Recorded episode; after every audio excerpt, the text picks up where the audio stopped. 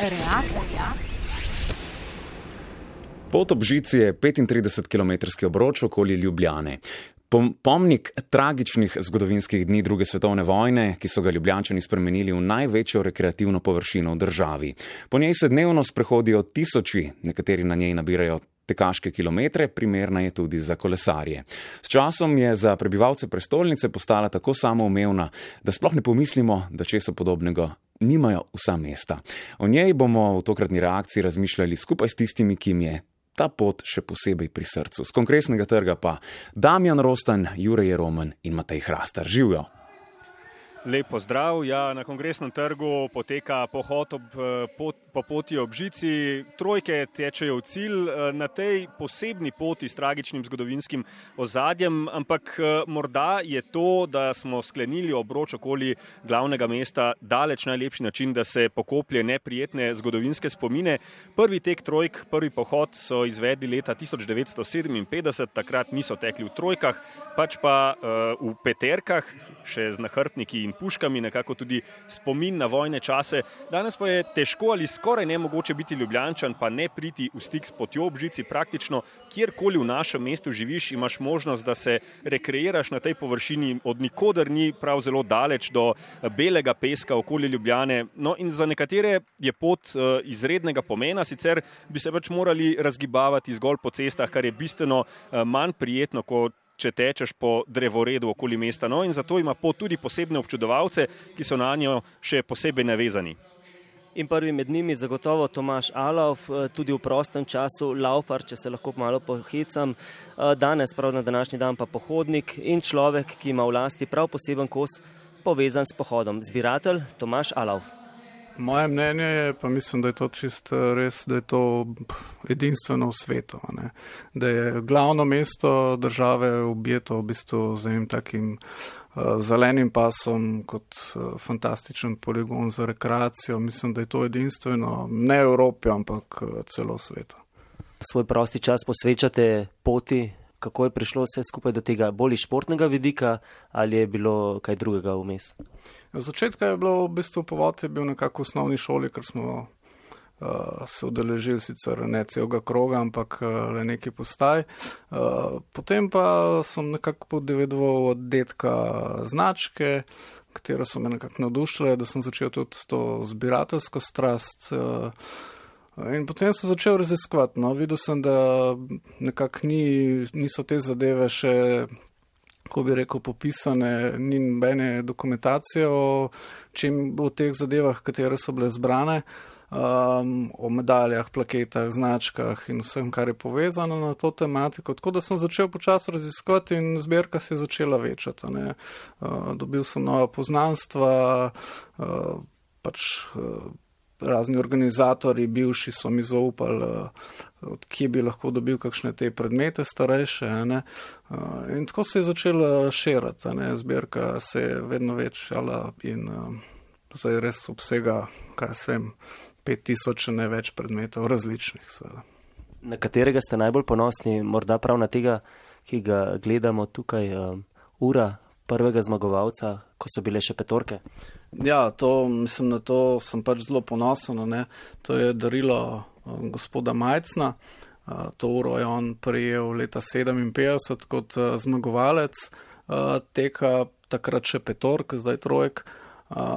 In on je to uro nosil vsako leto na teku uh, do 60. pohoda, kjer se potem nekako odločil, da ne bo uh, več teku in takrat je meni zaupal kot uh, tak suvenir in res ta ura mi ogromno pomeni in je tudi uh, edinstvena in tudi mislim, da je edina ohranjena od tistih petih, katere so dobili tistih pet tekačov, ki je takrat teklo.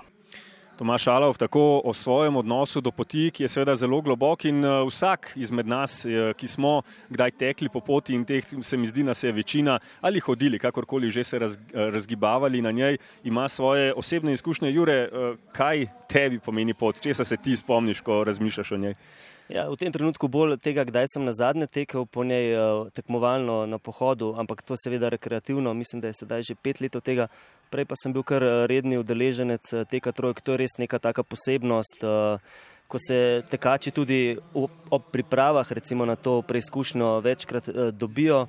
Um, lepo je teči po Makedamu, pot je večinoma posuta s peskom, široka 4 metre, tako da je prostora za vse, tudi če pride eh, nasproti kakšen mopedist, uh, načeloma ne pride do trkov, uh, kolesarjev je veliko na tej poti.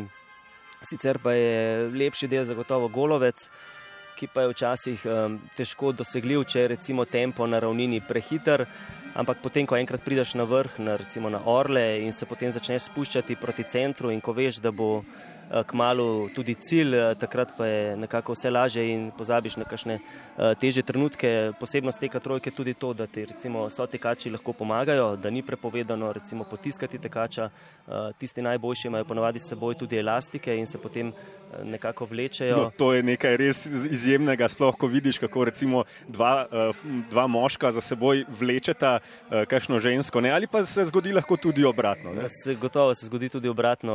Vsak ima morda kakšen slabši dan. Težko je uskladiti posem te tri tekače. Eh, zanimivo, zvone Majcen, ki je zmagal na prvi trojki, oziroma takrat peterki pred 62 leti, oziroma 61, eh, je rekel, da ob pripravah na te tekme niti niso veliko trenirali skupaj, vendar pa so, vemo, da so bili to zelo dobri tekači.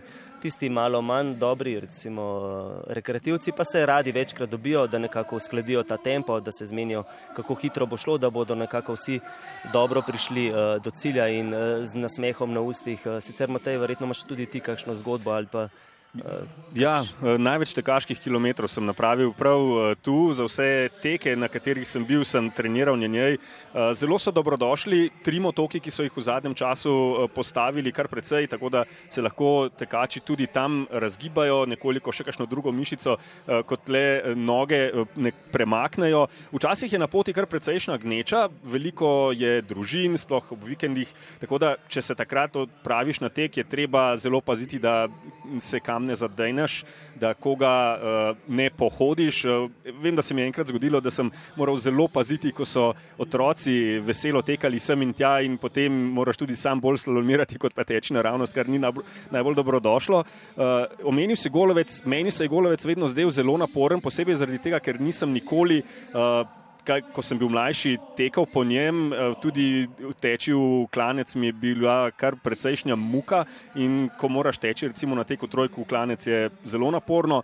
Uh, imam pa tudi, seveda, spomine iz zelo zgodnega otroštva, ko sem bil še v vozičku in uh, ko smo na, na zimskih sprehodih hodili uh, tam, tudi mislim, da se večina ljubljančanov rekreira uh, na tej poti. Tako da pot je živa tudi po zimi. To je zanimivo dejstvo, uh, ki. Uh, nam da vedeti, da celo leto nekako vpliva na to, kako življenje poteka v Ljubljani. Ja, in tudi recimo ljubljanske šole, osnovne šole in vrtci veliko krat izkoristijo to pot, eh, ker eh, morda nima, niti nimajo sami dovolj dobrih pogojev za recimo športno vadbo eh, in zato nekako izkoristijo tisto, kar imajo pred nosom. Ja, jaz mislim, da je prvo, je, kar je tradicija. Vsi se točno zavedajo, kaj ta pot pomeni za Ljubljane. Res je to enokratna akcija, ki se naredi enkrat na leto, mogoče maksimalno dvakrat. Imeli smo v preteklosti tudi v septembru podobno prireditev, ne v tako velikem številu, ampak bolj na pohodniškem delu, to se pravi na prstu. Drugače pa to, kot sem povedal, objekt, ki je v naravi in uh, treba je jeti v naravo, pa naj bo to ali otrok ali starejši. In koristijo tudi tisti, ki nimajo prav dobrih športnih objektov, to so tudi šole, to so tudi vrtci, kjer redno vsakodnevno hodijo po prstu, kar da samo še dodaten pogon, da je treba še na tem še veliko delati. Ja, koristi pa niso le sezonske in ne samo za pohodnike ali tekače. Ljubljanska občina ima, ima namreč posluh tudi za zimske športe. Gojko Zalokar. Ja, seveda zavisi od vremenskih pogojev. Če bi gledali, verjetno prav veliko jih ni takrat, ko je slabo vreme, ampak če pa pogledamo letne čase, je pa praktično v vseh letnih časih skoraj da enaka udeležba na te poti spominja tomarištva in še to bi rekel, da pozim ekstra skrbimo za to, da imamo tudi ob sami poti narejene tekaške proge. Vemo, da Ljubljana ima preko 70 km tekaških prog ki jih letno delamo, seveda, če so snežni pogoji. Leto so bili idealni pogoji, kjer je praktično več kot mesec in pol so bile narejene tekaške proge. Največji iz teh delov je Koseški bajer, Živalski vrt in pa Brdo.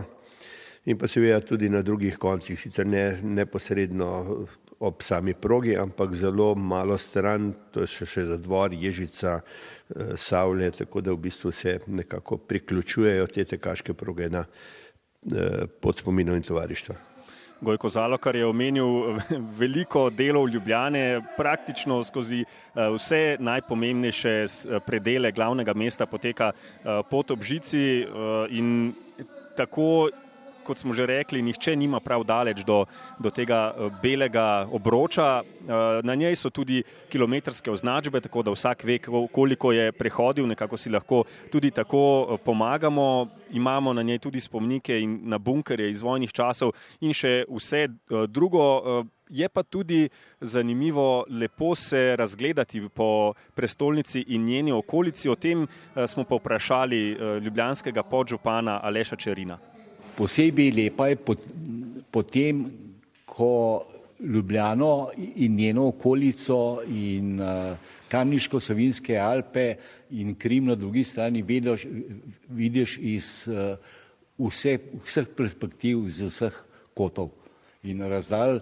Uh, in pa seveda še najbolj, uh, kar je zelo impozantno je pa število udeležencev od mladih do starih, do otrok, do staršev z vozičkom na poti.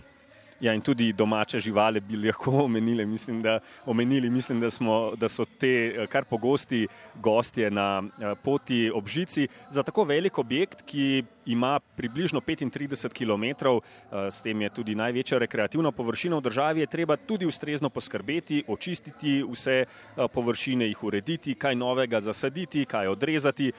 V zadnjem času so recimo dodali pitnike, pa tri motoke, da se vsi lahko še dodatno razgibajo. In z, za to skrb uh, je seveda pri tej skrbi vključenih veliko ljudi. Aleša Čarina smo povprašali, kdo vse ima uh, čez skrb za pot ob žici. V glavnem za, za pot skrbimo po dveh linijah. Prvič po uh, strokovni, po te, te plati, kot je mesto organizirano in naše komunalne službe od snage do, do drugih, ki skrbijo za to, to je ta uh, redni profesionalni del, potem imamo pa še vrsto volonterskih organizacij, ena od teh je Prstan, ki ga zauzeto več let uh, vodi bivša županja in častna meščanka uh, Nuša Kerševan, potem je tukaj eh, društvo Želva in še drugi, ki se ukvarjajo z, z tem, da je pot ne samo uh, za ta ljubljanski praznik, ampak vedno urejena in čista. Aleš Čirin je omenil tudi želvo, no to je še ena skupina ljudi, ki jih poznajo vsi, ki so vsaj kdaj na poti, zelo pridno skrbijo, da so uh, vse uh, stvari lepo pokošene, da ni odvečnega listja v poti, da tudi potem, ko zima pusti svoj odtis na poti, je uh, vsaj malo uh, manj kakšnih luž, katere, v katere bi lahko stopili in se tako zmočili. Za razsvetljavo se niso odločili in mora biti je tako tudi prav, da ostane pot bolj uh, prijazna, bolj naravna in da, čeprav mora biti zaradi tega je kakšen primer vandalizma več, ampak kot pravijo na mestni občini Ljubljana, tudi tega ni preveč, tako da uh, se lepo poskrbi za pot. Uh, je pa pot izjemno primerna za srečevanje, če kdaj tečeš ali hodiš po njej, lahko naletiš tudi nekoga, ki ga že dolgo nisi videl in to je še en lep od, osebni odtis na tej uh, poti, ki ga lahko pusti vsak izmed nas. Prepričan sem, da jo vsi dobro poznate, če je še ne, jo boste spoznali, vsaj upam, nikar se ne zamujate, svež zrak uh, vsakemu koristi. Uh, reakcijo so pripravila Jurej Roman in Matej Hrastar, uh, za to, da ste jo slišali, pa je skrbel Damjan Rostan. Lepo zdrav iz uh, kongresnega trga, kjer trojke zelo veselo tečejo v cilj in tako bo še nekaj časa. Dobre volje pa, ko so tekači upleteni, nikoli ne zmanjka. Reakcija.